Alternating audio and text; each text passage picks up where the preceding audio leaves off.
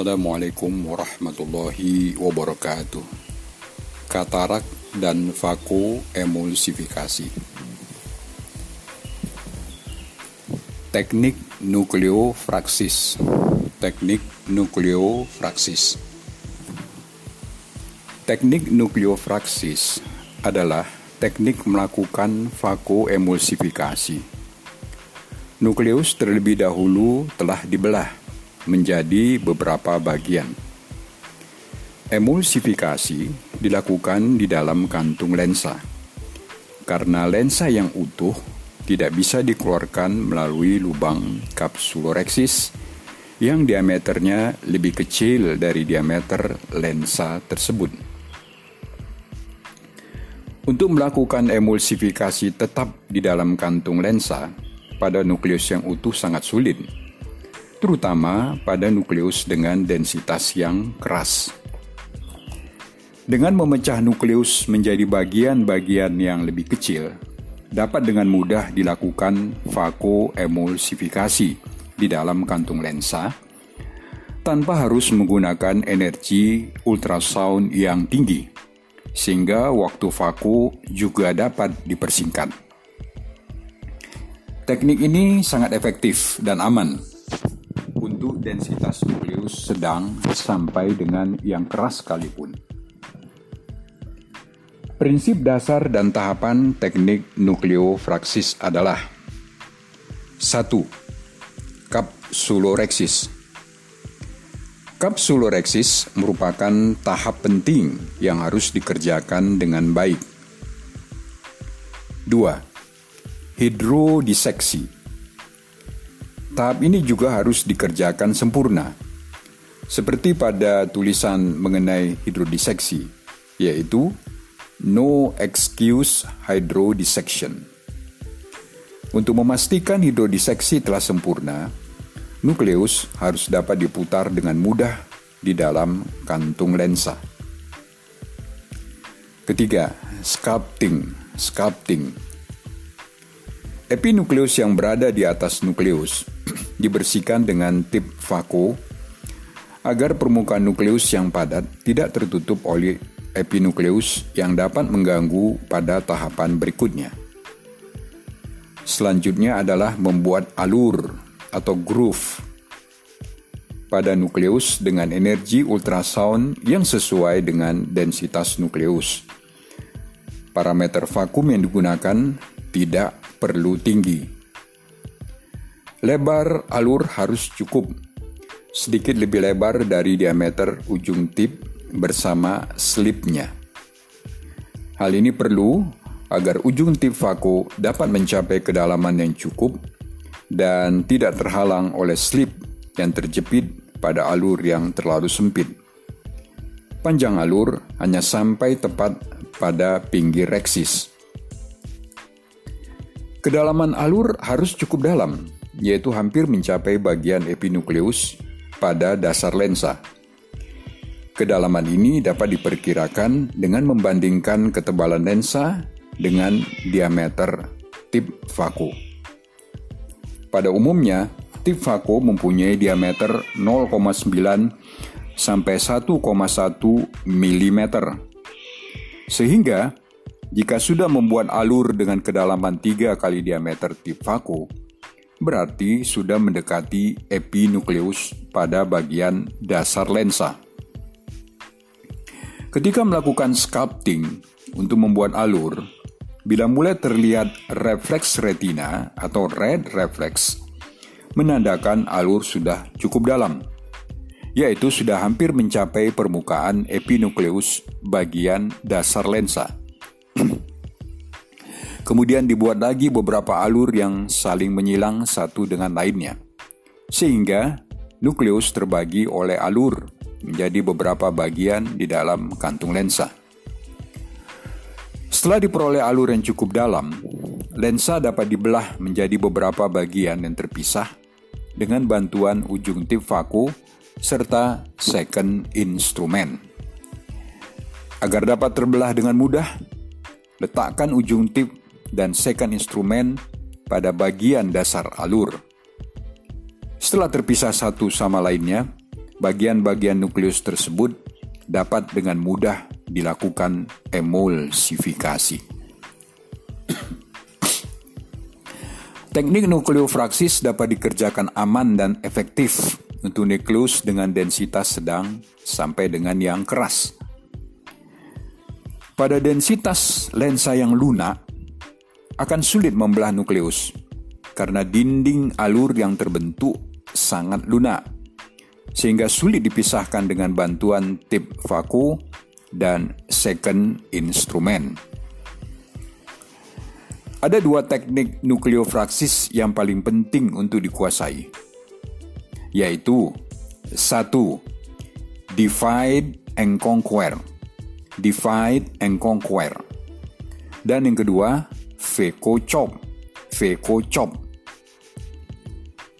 Kedua teknik ini adalah teknik dasar nukleofraksis yang harus dikuasai bila seseorang pembedah akan mengembangkan tekniknya sendiri yang paling aman, nyaman, serta efisien baginya. Pada tahun 1983, Gimbel dan Neuhan secara terpisah telah menemukan cara kapsulotomi anterior dengan pinggir robekan yang rata, disebut sebagai continuous curvilinear capsulorhexis, continuous curvilinear capsulorhexis atau CCC. Pada saat itu, teknik Fako telah memasuki generasi teknik Fako di bilik mata belakang pada diameter kapsulorhexis atau CCC yang relatif lebih kecil dari diameter nukleus, sangat sulit bagi kita untuk melakukan vaku pada sisa pinggiran cawan atau bowl nukleus, yaitu pada tahap akhir sculpting nukleus dengan teknik Maloney.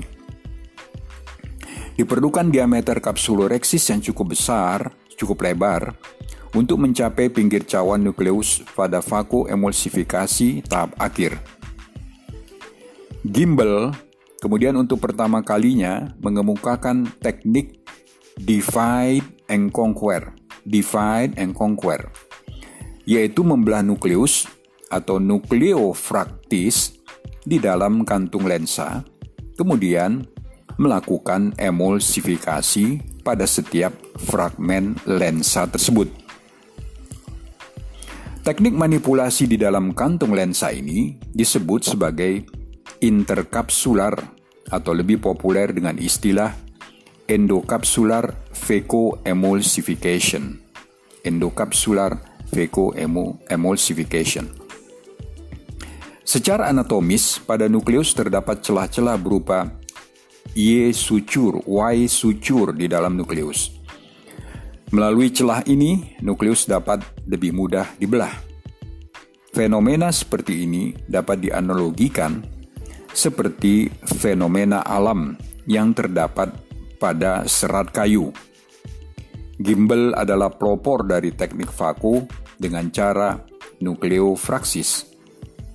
Sejak saat itulah kemudian berkembang berbagai variasi teknik nukleofraksis oleh beberapa pakar bedah vaku emulsifikasi, antara lain yang dikemukakan oleh Shepard berupa quartering teknik atau four quadrant teknik, Burratu dengan in situ fracture, Dillman dan Maloney dengan teknik crack and pliff dan lain sebagainya.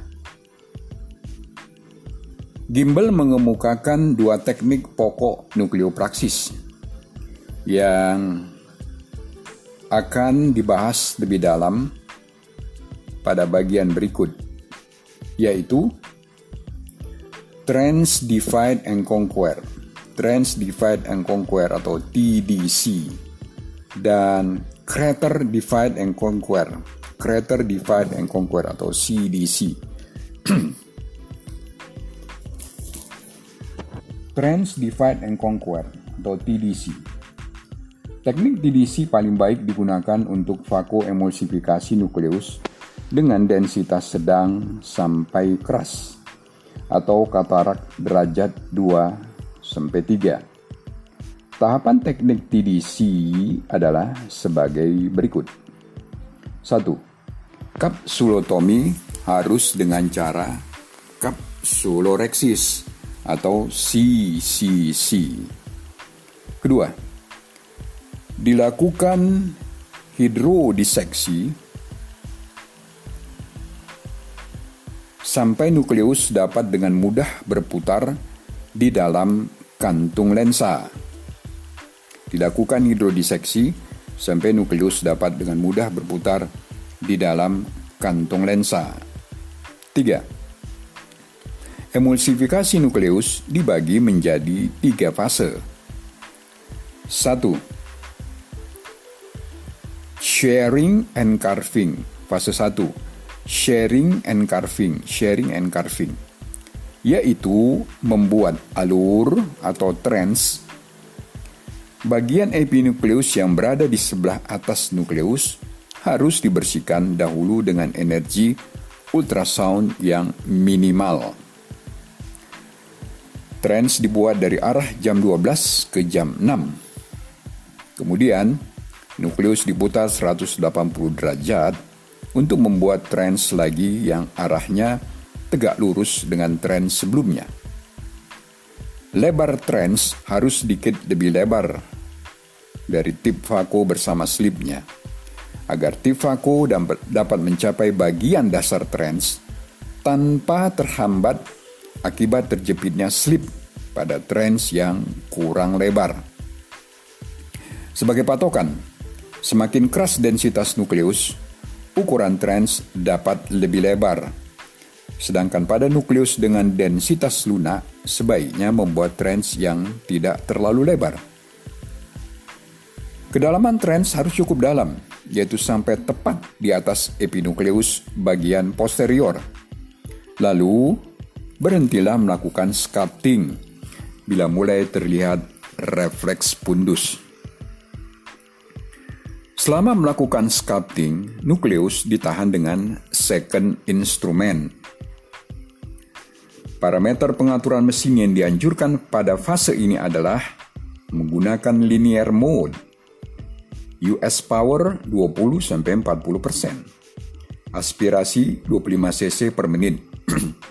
Flow rate 25 cc per menit. Dan vakum 50-100 mm air raksa pada mesin peristaltik. Pengaturan power sangat tergantung dari jenis mesin vaku. Setiap mesin mempunyai karakter kekuatan emulsifikasi yang berbeda dan tingkat kekerasan kataraknya. Pada dasarnya, gunakanlah power serendah mungkin yang masih memberikan efek emulsifikasi yang cukup Power yang terlalu rendah membuat kita cenderung mendorong-dorong nukleus yang tentu saja akan mudah mencederai jonula. Sementara itu, power yang terlalu tinggi akan membuat sculpting menjadi kurang terkendali, sehingga mudah menembus nukleus dan mengenai kapsul posterior. Karena pada tahap ini kita hanya akan membuat parit atau alur atau trends atau groove dan kita tidak menginginkan aliran emulsi yang cepat ke dalam tip, maka pengaturan flow rate tidak perlu terlalu tinggi. 20-25 cc per menit saja sudah cukup. Begitu pula dengan vakum. Pada tahap ini tidak dibutuhkan tenaga untuk memegang nukleus. Karena itu, vakum cukup diatur pada 50-100 mm air raksa. Tinggi botol sebaiknya dipasang pada ketinggian sedang, yaitu 70-80 cm dari eye level atau ketinggian mata pasien di meja bedah. Tinggi botol dapat disesuaikan dengan kasusnya. Setelah terdapat alur yang dalam pada satu arah, gambar 101A sampai B, Lensa kemudian diputar 90 derajat untuk membuat alur kembali yang tegak lurus dengan alur pertama. Lakukan kembali grooving untuk membuat alur tersebut, sehingga pada akhirnya akan terdapat alur yang seperti terbentuk silang pada lensa. Gambar 10.2a sampai C. Penjelasan gambar 10. Gambar A menunjukkan saat akan mulai grouping setelah dilakukan shaving cortex dan epinukleus di permukaan depan lensa. Perhatikan posisi second instrument yang berada di kiri depan arah gerakan Tifako untuk membantu fiksasi nukleus agar lebih stabil. Gambar B.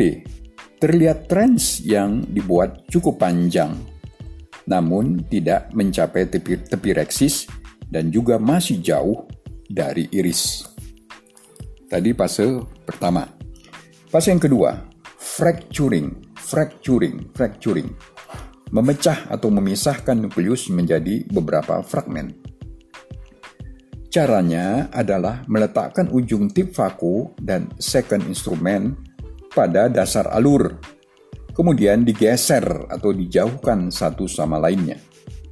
Mulailah dari alur mulailah dari ujung alur pada jam 6 ke tengah dan terakhir pada jam 12. Pengaturan mesin sama seperti pada fase 1 tetapi sebaiknya kita menjaga agar posisi pedal kaki tetap pada posisi satu atau irigasi, agar bilik mata depan selalu dalam dan pada saat nukleus terbelah, maka aliran cairan akan mendorong kapsul posterior ke arah belakang. Fase ketiga, fragmentation, fragmentation atau wedge shaped piece fragmentation nucleus and segment removal. Fragmentation nucleus and segment removal. Setelah terbelah menjadi dua, nukleus kembali diputar 90 derajat untuk kemudian dibelah lagi menjadi beberapa segmen kecil. Lalu dilanjutkan dengan emulsifikasi. Emulsifikasi dinding trans tepat di tengah sehingga Tip vaku terbenam pada nukleus dengan menggunakan energi ultrasound yang minimal. Pada saat tip vaku telah terbenam dan mengalami oklusi, pedal kaki diubah menjadi posisi dua, sehingga vakum mulai terbentuk. Kemudian, tarik segmen nukleus ke tengah, yaitu daerah yang aman atau safety zone, untuk emulsifikasi, gambar 10 titik 3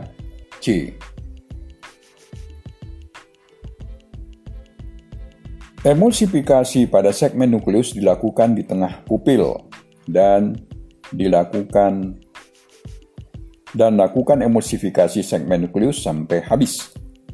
Ulangi tindakan pada setengah nukleus yang tersisa.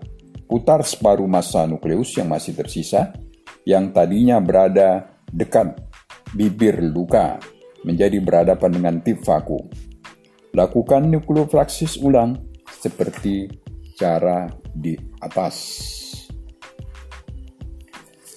Pengaturan mesin vaku berbeda dengan fase sebelumnya, karena pada fase ini diperlukan vakum dan fluorid yang lebih tinggi untuk bisa memegang segmen.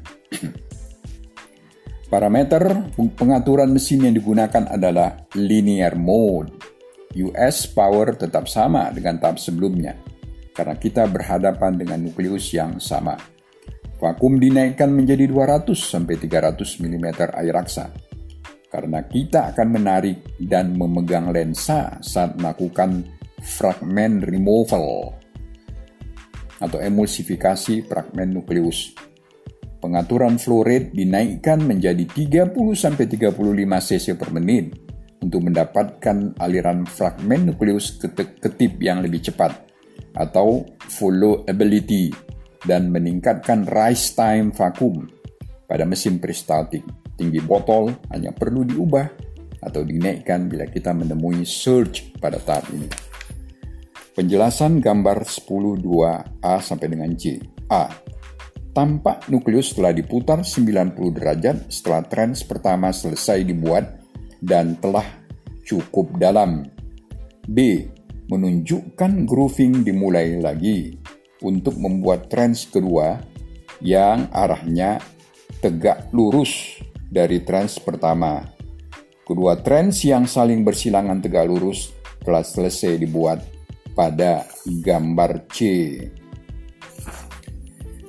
Penjelasan gambar 10.3a sampai dengan C. A. Fracturing dimulai dengan menempatkan tifaku dan second instrumen bersebelahan di dasar tren sebelah ujung. B. Keduanya digerakkan berlawanan arah saling menjauh sehingga nukleus patah. Manuver ini diulangi pada keempat ujung tren sehingga nukleus terbelah menjadi empat kuadran. C. Tampak salah satu kuadran ditarik ke tengah dengan tip vaku untuk dilakukan emulsifikasi. Dilanjutkan pada fase 4. Fase 4 aspirasi nukleus, epinukleus atau epinuclear removal. Jangan terlalu bernafsu untuk menyedot epinukleus maupun korteks dengan tip vaku. Bila terlalu sulit, jangan diteruskan. Lanjutkan dengan tahap irigasi aspirasi menggunakan tip IA, irrigation aspiration, sehingga prosedur bisa lebih aman. Epinukleus biasanya lebih sulit untuk masuk ke lubang TIF IA yang diameternya lebih kecil atau ukuran 0,3 mm. Sehingga jika ada massa epinukleus yang sulit tersedot, dapat dibantu dengan second instrument. Parameter pengaturan mesin jika menggunakan Tifaco harus diturunkan powernya. Cukup sebesar 5-10% atau bahkan cukup 0% saja. Crater Divide and Conquer atau CDC.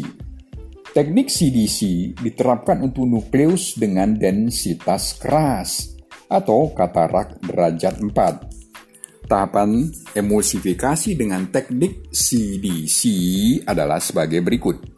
1. Alur atau trans dilebarkan ke kiri dan kanan dengan melakukan emulsifikasi pada dinding trans atau shaving. Kedua, putar nukleus 180 derajat dan lakukan emulsifikasi atau shaving ulang pada trans yang masih sempit. Dengan demikian terbentuk kawah atau krater pada nukleus. 3. Benamkan tip vaku pada dinding kawah nukleus atau krater. Kemudian setelah terjadi oklusi, saat posisi oklusi Dekatkan second instrumen dengan tip vaku, lalu gerakkan tip vaku dan second instrumen menjauh satu sama lainnya untuk membelah dinding krater. Putar kembali nukleus dan benam, benamkan tip vaku pada dinding krater yang masih utuh. Kemudian nukleus dibelah sehingga menjadi beberapa segmen. Belahan nukleus tersebut atau segmen kemudian dilakukan emulsifikasi atau segmen removal. Pada nukleus yang keras dengan densitas 4 plus atau yang berwarna kecoklatan atau brunescent umumnya tidak mempunyai epinukleus. Pembelahan nukleus harus dikerjakan dengan sangat berhati-hati karena pinggiran belahan nukleus yang tajam pada bagian bawah akan langsung berhubungan dengan kapsul posterior Manipulasi belah nukleus yang kurang baik akan menyebabkan bagian tajam nukleus merobek kapsul posterior. Pada saat melakukan emulsifikasi segmen nukleus, benamkan tip vaku pada pinggir bagian bawah nukleus dan tahanan nukleus dengan second instrumen agar stabil. Gunakan materi viskoelastik jenis kohesif untuk diisikan di bawah belahan nukleus yang akan dilakukan emulsifikasi. Agar segmen tersebut bisa sedikit terangkat dari dasarnya, lalu ditahan dengan second instrumen agar stabil. Selanjutnya dapat dilakukan emulsifikasi dengan aman. Pengaturan mesin pada teknik CDC pada prinsipnya sama dengan teknik TDC. Hanya pengaturan powernya dinaikkan sesuai dengan tingkat kekerasan nukleus lensa. Teknik divide and conquer ini merupakan teknik dasar paling mudah untuk menguasai bedah vaku emulsifikasi. Keuntungan teknik ini adalah satu, mudah dipelajari dan dikuasai. Kedua, dapat digunakan pada hampir semua katarak dengan densitas 2-5. Kekurangannya adalah satu, Veco time lebih lama. Kedua, kurang menguntungkan pada katarak yang keras dengan jumlah sel endotel kornea yang rendah atau pada corneal dystrophy. Akan kita lanjutkan dengan Veco chop atau horizontal chop. Wassalamualaikum warahmatullahi wabarakatuh.